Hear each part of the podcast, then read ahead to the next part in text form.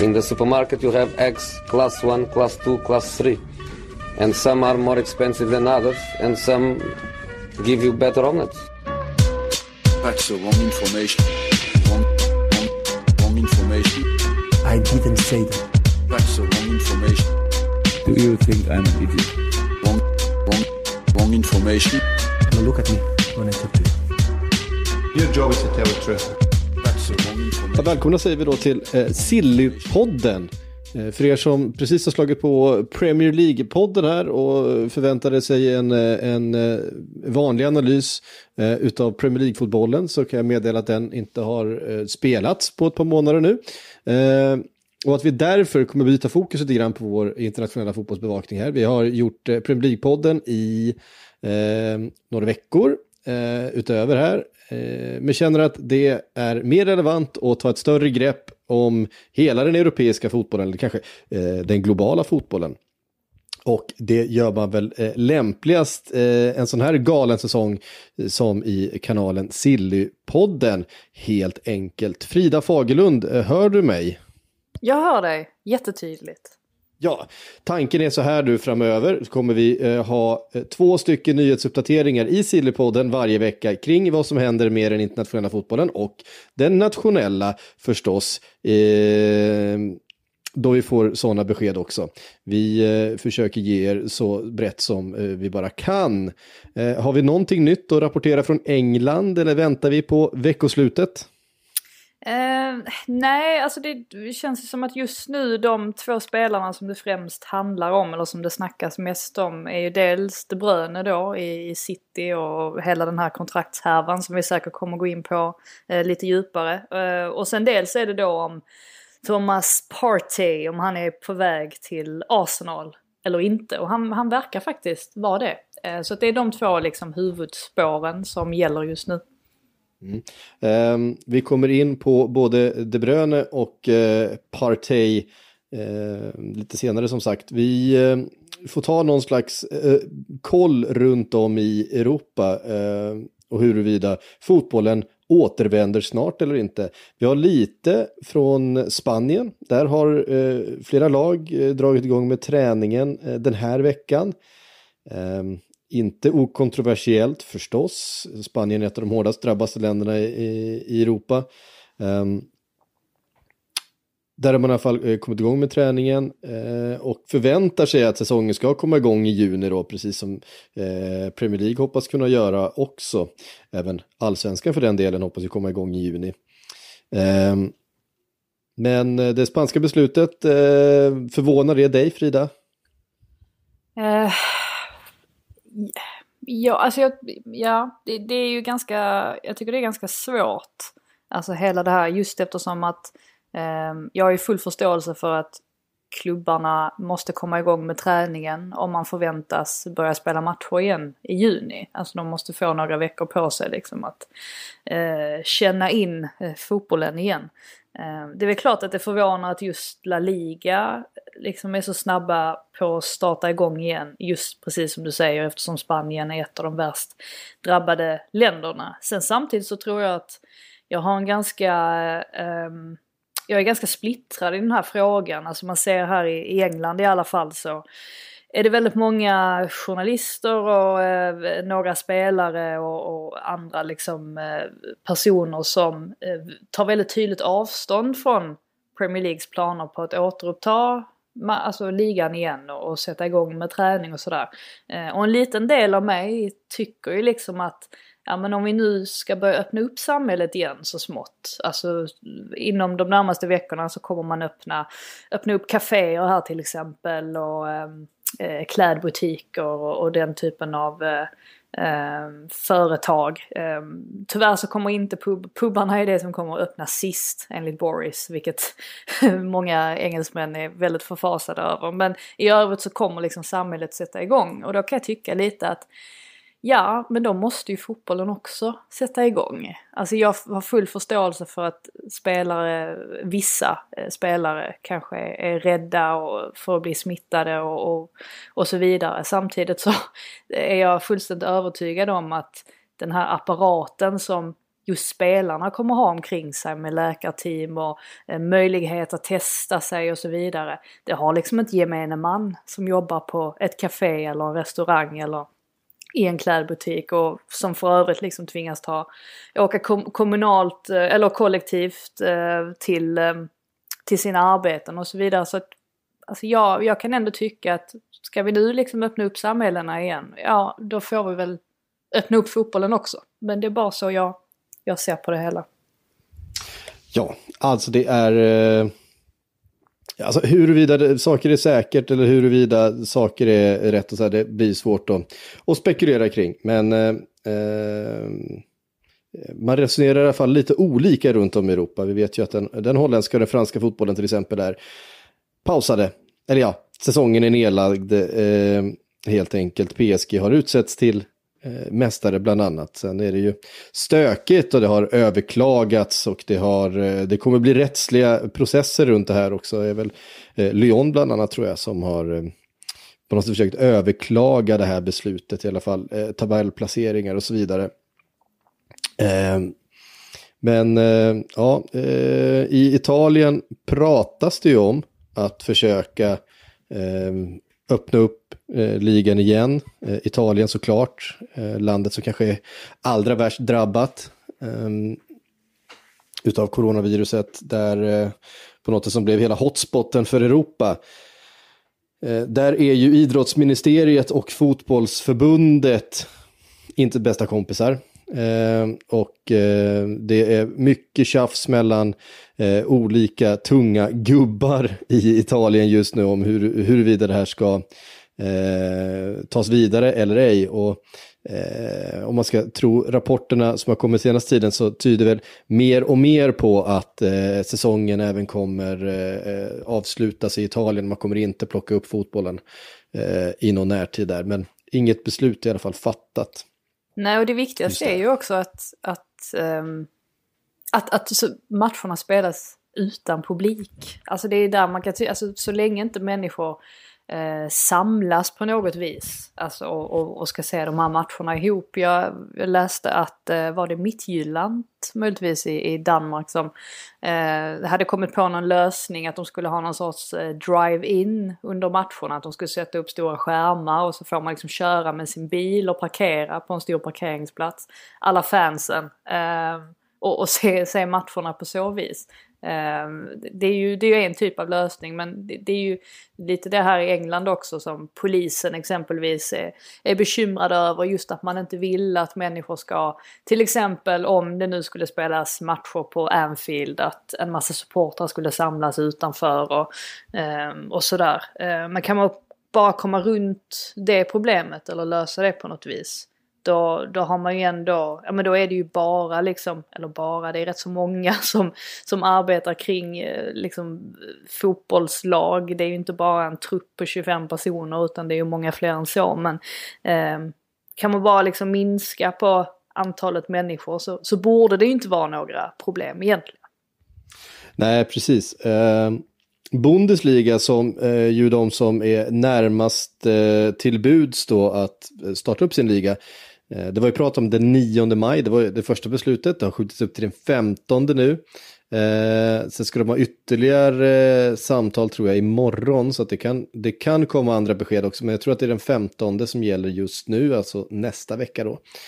Eh, och eh, där har man tagit fram ett väldigt utförligt eh, liksom system för att kunna göra det här. Det handlar om olika zoner där olika eh, funktionärer och eh, eh tränare och spelare får röra sig. Det handlar eh, om eh, eh en samordning av testande av funktionärer och spelare. Totalt tror jag att 20 000 tester eller något sånt där eh, kommer användas under perioden som det skulle ta då att spela färdigt säsongen.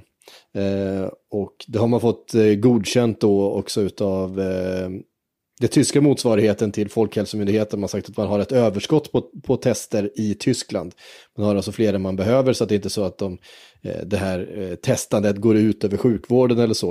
Eh, Nej, där kan man ju tillägga att det är ju 0,4 procent av Tysklands liksom hela, eh, ja, vad säger man, weekly capacity Eh, av, av tester som det gäller. Så att det, är ju- det är ju verkligen ingen, ingen stor summa. Nej, precis. Eh, men Tyskland, och såklart så tittar ju de övriga eh, europeiska förbunden och de övriga ligorna på Tyskland. Eh, när det gäller det här systemet och eh, när det gäller att komma igång. Alla följer ju det här arbetet just nu. Eh, dels för att de är först ut, men dels också för att Tyskland är bra på sånt här. Eh, det, det, det ska väl ingen, ingen eh, tro något annat än att tyskarna kommer genomföra det här eh, med, eh, med noggrann planering och med strikt disciplin. Eh, Det kanske är en fördom om tyskarna, men, men det- känns ändå som att det, det, det ligger en hel del i det eh, när, det gäller, när det gäller tyskar. Sen En så, bra fördom i så fall får man ju säga. Ja, men eh, herregud. Men alltså det, det tror jag många noterat som haft med tyskar att göra genom åren. Att, det, att eh, visst, visst är de organiserade. Är det någon som är i tid? Det brukar vara svenskar och tyskar. Eh, nu tittar väl, eh, som jag förstått det, allsvenskan ganska mycket på hur Danmark planerar att göra det också. Eh, med sin organisation. Sen har inte vi riktigt samma restriktioner runt eh, hur folk får röra sig och sådana här saker på, på stan i Sverige, vilket nog ställer lite andra, eh, det är väl i och för sig ganska öppet i, i Danmark också nu, men jämfört med hur det ser ut i, i ja, hos er i England till exempel. Eh, här får ju folk ändå röra sig fritt hela dagarna om de vill. Eh, vilket då ställer lite andra krav på det här just med, med folksamlingar utanför arenor eller på barer eller vad som helst. Va? Att det kan eh, plötsligt bli trångt eh, om det är så att det eh, börjar spela fotboll igen. Eh, det kan vara svårare att, att, att kontrollera. Eh, det vet jag faktiskt inte. Vi såg att det var någon, det var någon raggarträff va, i Falköping i förra veckan. Det var plötsligt tusen pers som stod och brände gummi eh, tillsammans på någon parkering. Eh, och det var kanske inte så lyckat. Och det, det är på något sätt, eh, så kan det ju bli va? Det, det, där, där slår min fördom gentemot folk från Falköping in kan jag säga. ja, Och jag får säga så för att jag har, jag har vänner från Falköpingstrakten som jag tycker väldigt mycket om. Så att det är inget, det är inget eh, negativt. Så. Nej. Alltså, det, var ju inte, det, var ju inte, det var ju inte jordens slump att det var just i Falköping. Så, Nej, du sa det. Du sa. ja, herregud, jag är född i Tibro ska ni veta. Det är inte så långt härifrån. Nej, jag är Eh. inte heller någon... jag, jag kan inte heller skryta om var jag kommer ifrån. Om, om man liksom ska prata om Volvo-bilar och, och, och sånt. Men ja, det lämnar vi. Ja, Nej, men det har varit mycket snack såklart om smittspridningen och den, liksom, den allmänna situationen. Men en, en, en annan fråga som det har varit mycket fokus runt är ju faktiskt spelarna och deras säkerhet. En del spelare är, är inte alls speciellt sugna på att återvända till träningsanläggningar och eh, lämna familjer för att leva i karantän. Det, det är ju också en av de här eh, förutsättningarna för att eh, fotbollsligorna ska komma igång. Eh, spelarna kommer vara helt skilda under hela den här perioden från sina familjer och från eh, övriga anhöriga utan kommer bo då på särskilda karantänhotell och så vidare där de kan testas och där man kan hålla koll på så att det inte kommer in någon smitta i, i, i truppen och så vidare. Um, Eh, Dybala är ju en spelare i Italien som har eh, haft smittan och som har svårt att bli av med den. Han har varit sjuk väldigt länge. Det kom, en, eh, kom ett rykte här, det, det läckte ju då uppgiften om att Dybala fortfarande skulle vara sjuk. Eh, och det är Mundo Deportivo som skriver att det här eh, ryktet ska ha läckts eh, utav Cristiano Ronaldo. Ja, Därför att han i sin tur då inte vill ansluta till truppen för han själv är rädd att bli smittad. Så har han då läckt det här med att Dybala är smittad för att själv då eh, kunna peka på eh, de här uppgifterna och säga att nej, då vill inte jag återvända till, eh, till träningsanläggningen eh, och till truppen. Eh, hur mycket det stämmer, men det är ju trots allt Sillypodden det här så att vi, Ja, vi, vi får referera till Mundo Deportivo ibland. Går inte det i linje egentligen med hur man ser på Cristiano? Alltså utan att Visst känna känns, honom. han, visst känns han väldigt, eh, eh, vad heter det, hypokondrisk. Han, Ja, han har ju absolut. en sån aura av att, av att ha basilskräck. Och det har säkert servat honom oerhört väl under alla de här åren eftersom att han är så fysiskt monster eh, på det sättet. Alltså en sån riktig idrottsman. Eh, men jag är inte förvånad över det här ryktet. Så mycket kan jag säga. Nej, precis. Och eh, han är ju inte den enda som har uttryckt eh, oro inför detta. Ser Sergio Aguero är ju en spelare som har varit ganska öppen med att han, in, att han känner en väldig olust inför att återvända till den här miljön, att lämna sin familj eh, och så vidare. Eh, Och riskera att bli smittad. Det har varit en hel del skriverier om i, eh, i England. Ska inte du som Liverpool-supporter också ta upp vad eh, Dejan Lovren tycker om corona? Om du har sett det? Det har jag faktiskt missat. Nej, det, det var någonting om att det var en... eh, Han, han, var lite konspiratorisk om man säger så. Eh, och jag vet inte ens om... Jag antar att det är ett, eh, alltså ett riktigt citat. Att han liksom själv har, har sagt det. Alltså han, har- han, Eh, han säger ganska mycket eh, lustiga grejer. Så att Ja men det, exakt, det var därför jag tänkte liksom att det här måste också vara sant. Ehm, det, det, verkar som att han, han trodde liksom, han, han trodde inte riktigt på det, att det här bara var ett sätt för läkemedelsföretag eller för staterna att få oss att vaccinera oss. eh, Eller någonting i den stilen. Men, är han, är han men som sån? sagt, det, det kanske inte, det, det kanske inte Eh, är, är helt korrekt. Jag, jag vet, jag bara såg det i förbifarten och suckade lite och gick vidare med mitt liv. Men eh, när vi nu pratar om liksom, uttalanden som stämmer och rykten som stämmer in på olika spelare så stämmer det rätt bra in på honom. Ja, precis. Eh, dels, dels för att han är en liten, liten sån där eh, galaxhjärna ibland. Men eh, han, han kan ju också ha sagt det här på typ sju olika språk tror jag. Alltså han är ju en, en eh, extrem person på många sätt, eh, Dejan Lovren.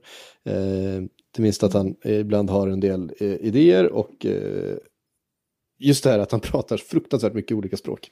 Eh, Eh, han är ju en, en fantastisk karaktär på många sätt. Eh, han, är, han, han är lite grann som, som han är som fotbollsspelare. Eh, briljant på vissa sätt. Eh, och eh, en säkerhetsrisk för, för alla runt omkring på andra sätt. Ja, men jag, eh, jag gillar Lovren, jag är på hans, jag är på hans sida. Ja, han, han ska ju vara en väldigt populär figur i omklädningsrummet och så vidare. Han är ju bästa kompis med Mohamed Salah till exempel. Eh, vilket också känns som ett udda par, men de eh, har ju verkligen funnit varandra. Eh, men annars är det det här med, med eh, spelare att de utsätter sig för, för eh, risker och sådär. Men det, det gäller ju ganska många i, eh, i samhället. Sen kan jag tycka att det här argumentet som de ofta får att ja men ni tjänar ju eh, hundratals miljoner om året liksom. Eh, vad sägs om alla de som har en vanlig lön men ändå utsätts av faran. Jag tycker inte att det är ett, ett argument i, i sammanhanget. Man ska inte behöva acceptera eh, de, tjänar inte, de, de tjänar inte hundratals miljoner för att utsätta sig för risk. Eh, Nej, alltså jag, jag förstår hur du tänker, Mm. eh, absolut. Och jag förstår, jag förstår det argumentet. Sen samtidigt, när de börjar öppna upp kaféer och eh, klädbutiker här, är, är det någonting vi behöver?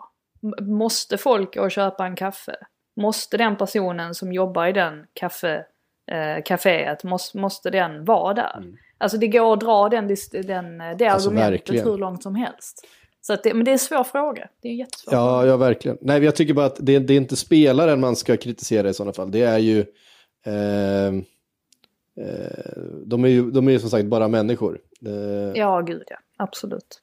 Eh, sen får vi ju inte glömma bort att ja, men den här studien som kom från FIF Pro för inte särskilt länge sedan som visade att oerhört många spelare lider av det här som sker just nu. Att de inte kan åka på träning och så vidare. Att det liksom har tärt på dem eh, alltså rent mentalt. Eh, och det var mycket snack om, om psykisk ohälsa eh, och så vidare. Så att det, det finns ju den aspekten också. Att det säkert sitter många spelare som liksom bara längtar efter att få komma igång igen. Så att det finns säkert liksom folk som förespråkar eh, alltså båda sidorna eh, ganska starkt. Ja, precis. Ja, eh, det är ju en, en, en ny situation för alla eh, såklart. Och eh, det, det kommer ju säkert vara väldigt olika reaktioner bland olika eh, spelare. Eh, en som varit ute och, snackat i media, eh, kanske inte om just det här, men om eh, faktiskt ganska mycket annat, det är ju Kevin De Bruyne. Eh, som intervjuades i en belgisk publikation som jag inte har namnet på just nu. En belgisk tidning i alla fall, där han var, med på, på videolänk. HLN heter den. Står säkert för något, för något snitsigt eh, som jag inte kan, nu ska vi se här. Het laatste news. Alltså, det är ju då, Ja. ja, eh, den flamländska delen utav, utav Belgien. Eh, som De Bruyne eh, har intervjuats av. Eh, och pratar då ganska mycket om sin framtid. Han pratar även om Peps framtid. Eh, bekräftar där i att, att eh, Pep verkar stanna ett år till. Eh, I alla fall det är det, det, det intrycket som, som De Bruyne har fått. Men att han själv kan vara beredd att lämna då om det här som man nästan har glömt bort nu då, Manchester Citys eh, dom att de eh, inte får delta i Europaspel under eh, två säsonger. Eh, om den blir realiserad, eh, helt enkelt att överklagan inte går igenom, då eh, säger han uttryckligen i den här intervjun att då kan han tänka sig att lämna klubben. Eh, och det är ju såklart eh, ingenting som Manchester City-supportrarna vill höra, men kanske inte heller så förvånande. Nej, alltså han har ju varit ligans eh, kanske bästa spelare, eller har väl varit det eh, under säsongen. Eh, så det vore ju givetvis ett, ett jättetapp för City och det var väl lite det vi, eh, alltså när det här beskedet kom i, det var ju på alla hjärtans dag till och med, minns jag, 14 februari. Så var ju det det första man började prata om, om det kunde bli så att det skulle bli en, en eventuell spelarflykt. Eh, och sen dess har det ju precis som du säger hänt ganska mycket och nu vet man ju inte alls hur coronaviruset kommer påverka transfermarknaden men vi kan väl liksom räkna med att det inte kommer bli samma ehm, Ja, det kommer inte bli samma summor, det kommer inte bli...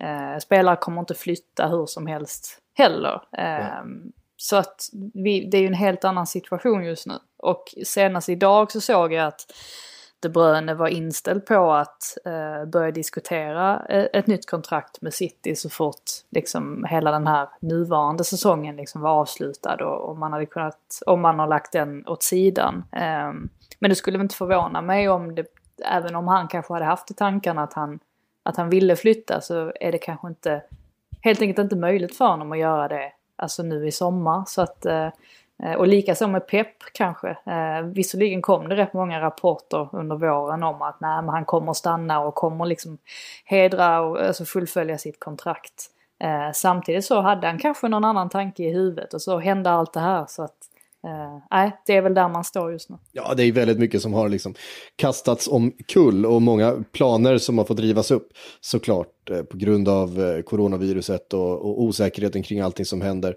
Ehm, eh, han fyller ju på här också att eh, ehm, The club has told us they are going to appeal and that they are almost 100% sure that they are right. de är, Ja, de det är nästan säkra på att de har rätt. Eh, ja, eh, sen vet vi fortfarande inte hur det kommer att bli. Um, alltså om det kan bli så att det, det blir liksom en uppskjutning på själva straffet. Alltså om de faktiskt kommer få delta nu i nästa upplaga. Nu vet vi inte ens om det kommer bli en nästa upplaga. Uh, alltså en upplaga då för säsongen 2021. Men uh, det kan ju bli så att de ändå får delta där. Uh, även om andra klubbar kommer se till att försöka förhindra det såklart. För att ja, de är ju liksom alltid liksom med och, och eh, i titelsnacket när de väl är med. Så att eh, nej, det, det är mycket, mycket som, är, som är oklart. Men självklart vore det ett jättetapp för City liksom. Och, och tappa honom, det kan ju inte sticka under stolen. Nej, Nej eh, så är det verkligen. Vi, vi har lite andra eh, silly eh, nyheter att ta upp också. Bland annat det här som rör Leroy Sané. Eh, och det här uttalandet från Jupp Heynckes. Som ju såklart är en tung röst i Bayern München-sammanhang. Ganska hård sågning utav, eh, utav Sané Ja. ändå kan jag tycka. En spelare som ju var, har varit otroligt bra, liksom en ung tysk och så vidare. Ehm, men jag menar på att eh, Sané absolut inte är värd några stora pengar, han är inte en världsklasspelare. ehm, och så vidare. Bayern München ska inte betala den här jätte, jättepengen för, för Leroy Sané. Vad, eh, ja, vad känner du kring det här uttalandet? Nej men jag, jag tänkte använda samma, samma ordval som du gjorde, just det här med att det är, ganska, det är ganska hårt av honom att säga på det viset. Alltså, nu var det ju länge sedan man såg Sané spela. Eh, så, ja, det, det, var ju där i Community Shield-finalen. Eh, den, som, den skadan där som grusade hans flytt som troligtvis hade skett alltså i dagarna därefter om han bara inte, om bara inte det hade skett. Eh, alltså han är ju en, eh, man kan inte ta ifrån honom hans talang. Alltså så mycket kan man ju säga. Och det finns ju en anledning till att Guardiola även om Sané inte har varit hans favorit rent personlighetsmässigt och inställningsmässigt så har han ju fortsatt att spela Sané en hel del. Och det indikerar ju att det fortfarande är en fantastisk fotbollsspelare. Sen har han ju haft de här problemen med attityden och så som både då Guardiola har haft lite problem med och Jogi Löw också i, i, i, landslaget som gjorde att han inte kom med i, i VM-truppen i Ryssland till exempel. Så att um, det, det, är klart att det finns sådana grejer som um, ja, har, kanske också har varit en åldersgrej, vem vet? Alltså han kanske är en helt annan människa nu ett år senare och i och med skadan och allt så här. Men jag, jag tycker det är lite hårt av Henkes att, att ge sig på hans liksom, fotbollsmässiga kvaliteter. För att de finns ju där, alltså utan tvekan. Ja, alltså eh, verkligen. Sen är det det eh, stora frågetecknet som ju alltid är någon som har dragit ett korsband precis. Eh, I den här åldern också, 23-24 är han väl nu. Eh, och eh, missat så pass mycket fotboll. Hur lång tid tar det innan han är uppe på den här nivån igen som han var när han var som allra bäst? Eh, för under, under i en period var han ju Manchester Citys kanske allra bästa spelare eh, för ett par säsonger sedan. Eh, men det har ju liksom inte, han har inte riktigt lyckats hålla den, den nivån även när han har varit hel eh, under någon, någon längre period. Men, men kvaliteterna har ju alltid funnits där. Eh, ja, och det är väl lite sådär också att just det här med, med knäskador, alltså skador av det allvarliga slaget, det är som att eh, först då så, så ser man, kan man verkligen se liksom en spelares liksom, sanna natur lite grann. För att antingen så blir det så att spelaren i fråga oftast blir eh, mycket mer disciplinerad, mycket noggrannare med sin kost, eh, liksom lägger ner hjärta och själ för att hålla kroppen i trim. Eller så går det åt andra hållet, att man liksom kollapsar helt och hållet. Eh, så det ska bli väldigt intressant alltså nu när han börjar frisk, tillfriskna igen liksom, och se om det har skett någon förändring alltså, hos honom. För att det lär det ju ha gjort. Alltså sådana här skador påverkar ju människor. Alltså både på ett personligt, eh, personlighetsmässigt plan men, men också som fotbollsspelare i stort. Ja, verkligen. Eh, vi har ehm, eh, fått en del frågor. Jag tänkte vi kan väl, vi kan väl kliva på eh, med det eh, direkt här. Vi har fått en fråga från Gunnar Swede som eh, skriver så här. Vad tror ni att normalpriset på en bra fotbollsspelare ligger på i sommar? Får vi se någon affär på en summa i klass med 50 miljoner ens? Alltså 50 miljoner pund. En summa mm. som förra sommaren kändes som skåpmat och var och varannan medelmåtta värderades till. Eller blir det bara lån och swap deals? Um, ja.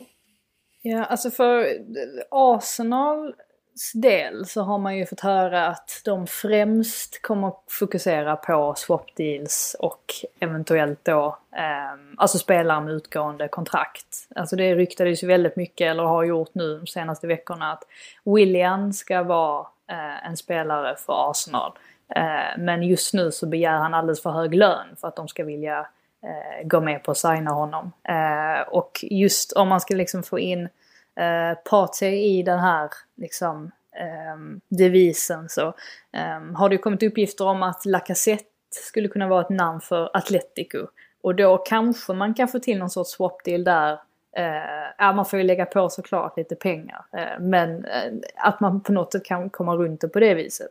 Annars så är det ju 45 miljoner pund som har eh, nämnts för, för Partey och vilket eh, ja, alltså det är, det är ju mycket pengar. Eh, men precis som du säger så har vi ju sett liksom summor som är, är långt högre än det de senaste transferfönsterna. Jag tror att de klubbarna som mår bra fortfarande, trots allt det här som har skett, bland annat Manchester United, kommer vara de som liksom fortfarande kan betala ganska höga summor. För exempelvis då Jadon Sancho alternativt Harry Kane som man också ryktas vilja ha i övrigt så kommer vi nog inte se lika många sådana stor, stora dealar. Liksom.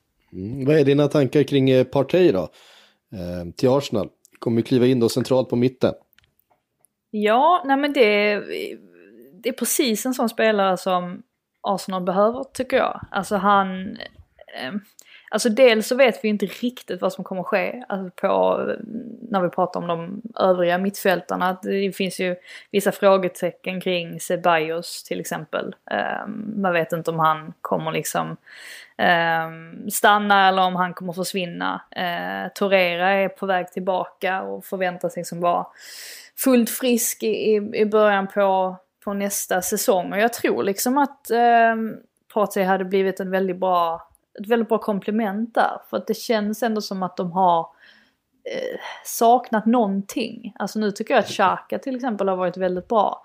Eh, sen Arteta klev in exempelvis. Men eh, alltså en sån som Guendouzi, alltså där finns ju fortfarande utvecklingspotential hos honom. Men jag tycker att det hade varit en jättebra värvning för, för Arsenals del, absolut. Och han, han hade säkert passat in där alldeles strålande.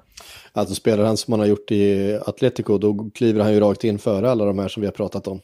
Eh, ja, absolut. Och sen, sen har ju liksom Arteta föredrar ju, eller alltså, han har ju främst använt sig av en 4-2-3-1 formation. Um, och, och där kan man ju absolut se liksom, där kan ju liksom Partey kliva in och ta en av de två mittfälts positionerna där bakom liksom front. Eh, eller ja, eh, bakom den här trean då. Så att eh, nej men absolut, eh, får de till den övergången så eh, är det en riktigt bra affär för Arsenals del. Mm. Eh, Theo Berglund undrar vilken blir sommarens eller nästa fönsters största övergång sett till prislapp och hur mycket kommer han kosta? Ja, det där är ju väldigt svårt att säga. Eh, den, ja. den spelare som det ryktas om eh, och som verkar vilja flytta och som hade kostat väldigt mycket pengar är ju Neymar. Alltså redan världens dyraste spelare då när han gick till PSG för några säsonger sedan. Och han vill ju tillbaka till Barcelona och Barcelona vill ha tillbaka honom. Trots att de har eh, bråkat eh, så pass mycket de här åren så eh, känns det som att de, eh, de vill hitta tillbaka till varandra. Eh, det ska väl också vara ett, ett, eh, någonting som Messi har uttryckt, eh, har det ryktats om i alla fall, att han gärna ser Neymar tillbaks. Och för... Är inte det den moderna fotbollen liksom ett, ett, alltså ett supertydligt exempel? Alltså tänk, det är ju inte klokt egentligen när man tänker på det. Att det här ska få kunna ske, att han ska få kunna gå tillbaka till Barcelona och så ska allt vara frid och fröjd igen. Det är ju helt galet. Ja. Um Ja, efter de har väl fortfarande en pågående liksom, eh, twist i rätten om, om eh, bonusar och eh, allt det där. Är det ens löst? Alltså hela, hela övergången från Brasilien till Barcelona, är ens allt löst runt det? Eh, ja, det finns ingen, Nej, finns ingen spelare det är så mycket stök runt som, som Neymar. Nej, jag tycker det är otroligt komiskt. Jag tror ju på att, ja, alltså vi får ju se om, om blir den av så är ju den eh, övergången minst sagt anmärkningsvärd. Men annars tror jag ju att, alltså Harry Kane, det verkar ju som att han verkligen vill flytta, eh, han också. Och det verkar framförallt som att Tottenham är i väldigt stort behov av pengarna. Så att där kan vi också få se en övergång som, eh, ja, kommer vara och nosa på runt miljarden. Eh, för mm. det är han ju värd. Eh, det som det pratades om med Neymar då, det var väl någonstans, någonstans runt miljarden också. Eh, och eh, det skulle då innebära att en rad Barcelona-stjärnor ska behöva flytta på sig först. Är Coutinho såklart, som Barcelona väldigt gärna vill bli av med. Men som ingen riktigt har råd med. Ehm, Chelsea kanske? Chelsea kanske, det har pratats om Chelsea. Eh, Leicester ska ju ha hört av sig. Eller Brendan Rodgers då eh, var intresserad. De funkade ju bra ihop en gång i tiden. Eh, men Leicester ska inte eh, ha kunnat matcha ens i närheten av det Barcelona vill ha för, för Coutinho. Jag tror att Leicester var liksom intresserade av att eh, ta över lånet från, från Bayern München egentligen. Eh, när de har meddelat att de inte vill, vill förlänga med Coutinho. Känns det som att, eh, eller känns det som att eh, England är, är, alternativet för honom om man nu inte ska spela i Barcelona nästa, nästa säsong. Ehm, men vi får se, vi får se vad som händer där. Det var en hel, en hel rad med stjärnor eh, i Barcelona som då skulle behöva säljas för att finansiera det här köpet av Neymar. Och liksom lyckas de med det, då tror jag nog att, att PSG, som ju verkar lägga allt sitt krut på att behålla Mbappé nu, Eh, erbjuda honom det, är liksom det största kontraktet och, och bygga liksom laget runt Mbappé, se till att inte Real Madrid då i första hand eh, nyper honom eh, nästa gång hans kontrakt börjar närma sig eh, sitt slut. Och för att eh, finansiera det och för att kunna bereda den här platsen åt Mbappé också var beredd att sälja Neymar för rätt pris. Ehm, så att eh, förutsättningen då att, eh, att Barcelona kan få loss pengarna genom att sälja av lite annat dödkött man har dragit på sig under åren. Eh, då ser jag nog ändå Neymar gå till Barcelona och då skulle ju han vara den dyraste affären i sådana fall, det tror jag. Eh, så var det med det, vet ni vad? Eh, det var det vi hann den här, eh, den här tisdagen, den här nyhetsuppdateringen. Sillepodden är tillbaka på fredag igen, då hoppas vi ha lite mer besked från England, eller hur Frida? Ja, eh, det, men vi kan väl inte räkna med det, men vi hoppas. vi, vi går inte att räkna med någonting i dessa tider. Så är det ju. i dessa, i dessa tider. Ja, och lite mer besked ifrån, ifrån Tyskland också och eventuellt eh, någonting mer. Och sen så hoppas vi på fler rykten och så vidare. Men tills vi hörs nästa gång, eh, ha det bra.